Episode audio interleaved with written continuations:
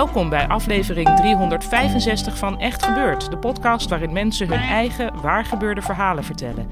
Deze week een verhaal dat Susanna Herman in april vertelde tijdens een Echt Gebeurd middag rond het thema liefde.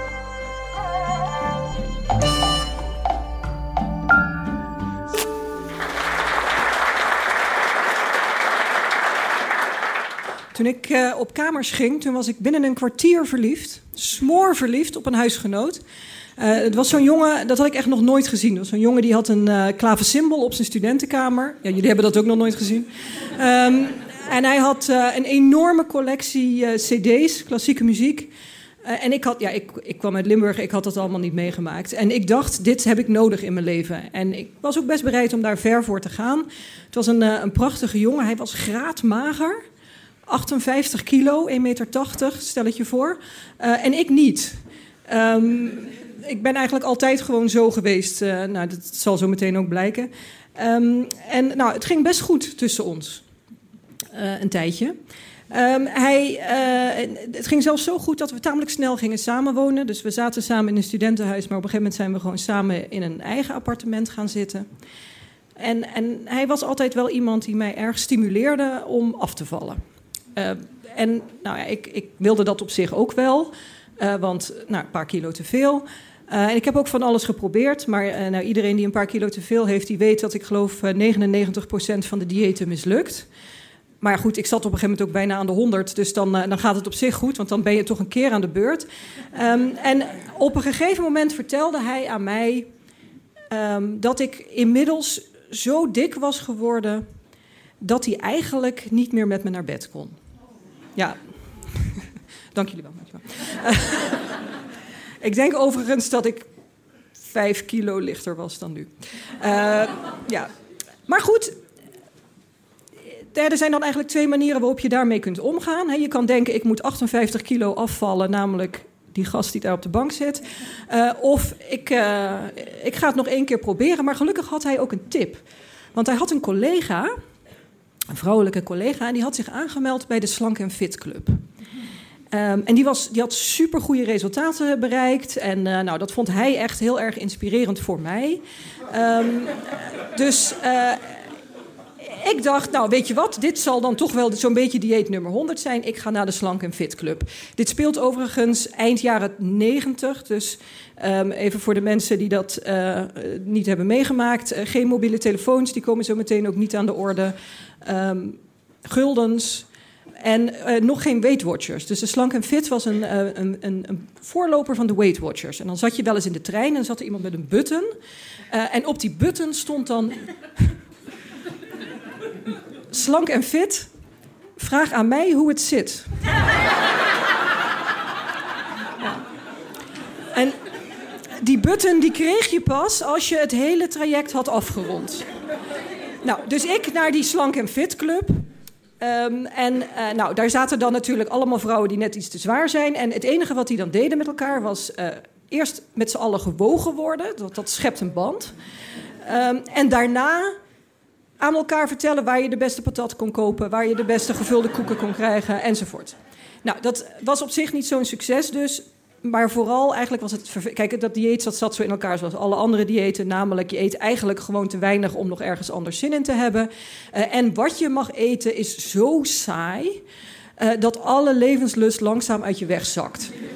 Uh, dus krakottes, magere kipfilet en heel veel light frisdranken. Nou, dat hou je niet vol, ik dus ook niet. Uh, dus nou ja, ik ging weer naar huis met mijn paar kilo te veel. En we kwamen weer in een soort van status quo. Behalve dat ik na inmiddels vijf jaar van deze relatie een nieuw stukje aan de status quo had toegevoegd. namelijk een andere meneer. Um, en die andere meneer, dat was een hele fijne man, die me eigenlijk gewoon wel prima vond zo. Uh, dus dat, dat speelde een beetje, dat sudderde een beetje op de achtergrond. Hij had ook een partner, het is een heel ander verhaal, vertel ik nu niet. Um, nou, straks wel een beetje. Uh, en, um, maar ik dacht, wij kunnen hier nog wel oud worden met elkaar op deze totaal dysfunctionele manier. Uh, op een gegeven moment stond ik in de keuken en toen zei mijn vriend tegen mij: Zullen we een huis kopen? En toen dacht ik ineens: Als ik nu ja zeg, kom ik hier nooit meer weg. Dus ik zei: Nee, ik ga bij je weg. Dus hij stond volkomen verbijsterd in zijn badjas. En ik pakte mijn teddybeer en mijn tandenborstel. Want dat waren toen de twee belangrijkste dingen in mijn leven. Behalve die andere meneer. Uh, en ik ben vertrokken. Nou, dat leverde een tamelijk hectische week op. Uh, aan het eind van die tamelijk hectische week uh, woonde ik bij die andere meneer. Um, en toen was het best wel rustig, tot ik op een gegeven moment door mijn verse ex op de vaste telefoon van die andere meneer werd gebeld, want geen mobiele telefoons. En hij zei tegen mij: uh, Als jij nu niet komt, breng ik jouw kat naar het asiel. Dat was onze kat, hè? even voor de duidelijkheid. Maar mijn kat ging naar het asiel. Dus ik dacht, nou ja, goed, ik moet wel. Want ten eerste, ik ben vertrokken op het moment dat hij een long-term commitment met me wilde aangaan. En ik ging vreemd. Uh, dus ja, ik heb wel slechte karma hier, dus ik ga maar. Dus ik daarheen. De andere meneer was mee. Uh, die heeft de hele tijd daar niet mee naar binnen, want dat dacht ik, dat kan ik niet maken. Dus die ging buiten gewoon een sigaretje roken. Dat heeft hij sindsdien ook nog duizend keer gedaan, dus dat is verder niet. Um, dus ik daar naar binnen. Oh, ik dacht om de kat te halen, maar toen bleek mijn verse ex de buurvrouw te hebben ingeschakeld voor de boedelscheiding. Ik dacht, dat is helemaal niet nodig, want ik voel me schuldig. Jij blijft hier wonen, ik neem mijn eigen spullen mee. Uh, en we hebben het er verder niet over. Maar het moest punt voor punt doorgesproken worden. het begon best gezellig. Ik had geen behoefte aan zijn 600 cd's met cantates van Bach. En dit is geen overdrijving. Um, hij had geen behoefte aan mijn uh, Buffy the Vampire Slayer boxset. Prio's. Um, en, nou, maar op een gegeven moment ging het een beetje mis. Uh, toen de buurvrouw zei van wie zijn de lampen? En toen zei ik, nou, ik heb de lampen betaald. Toen zei hij, ja, maar de peertjes hebben we samen betaald. dus toen zei ik, nou, oké, weet je wat, dan mag jij de peertjes houden. En dan ga jij hier lekker zitten met je peertjes. Ik wilde gewoon die lampen achterlaten. Maar het ging echt mis.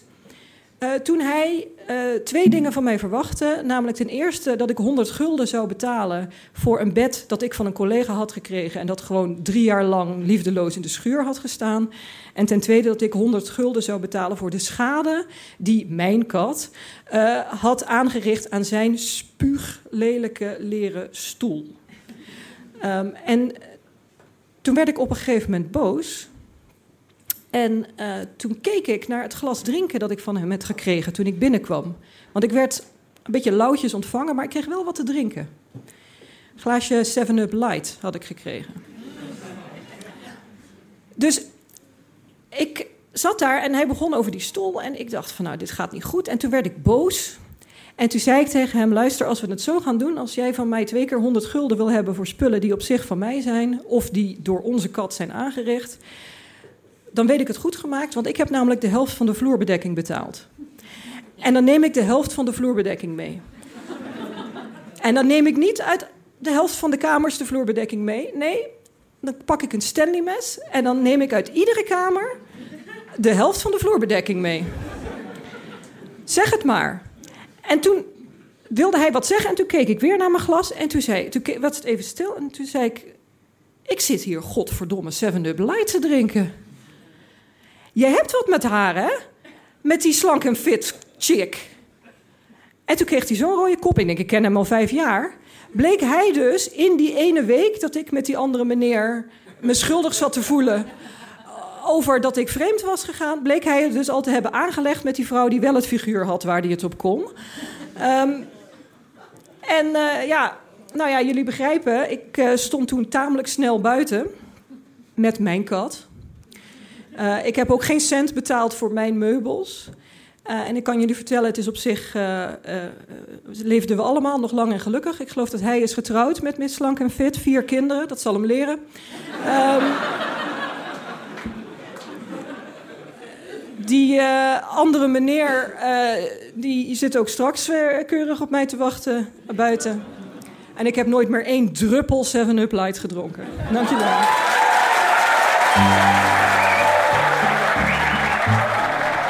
Dat was een verhaal van Susanna Herman. Susanna is afdelingsleider op een gymnasium in Voorburg en ze blogt op susannaherman.nl. En Susanna schrijf je dan met een H op het einde. Dus uiteindelijk staan er twee H's achter elkaar, namelijk de eind-H van Susanna en de begin-H van Herman. En ze werkt aan een boek met de titel Zijn er nog vragen? Ze vertelde alles eerder een mooi verhaal bij Echt Gebeurd dat je nog kunt beluisteren in aflevering 81 van deze podcast. Echt Gebeurd is te volgen op Instagram, Twitter en Facebook, dus doe dat vooral. En overweeg ook eens om ons financieel te steunen. Voor 2,50 per maand kun je vriend van de show worden via www.vriendvandeshow.nl schuine streep Echt Gebeurd. Onze redactie bestaat uit Micha Wertheim, Bijke Aarts, Renette Kwakkenbos, Tom van Rooyen en mijzelf, Paulien Cornelissen. Productie doet Hanna Ebbingen, de zaaltechniek Jasper van Oorschot. Podcast wordt gemaakt door Gijsbert van der Wal. Dit was aflevering 365. Bedankt voor het luisteren. En zet eens een klaver symbool op je kamer, want daar zijn de vrouwtjes gek op.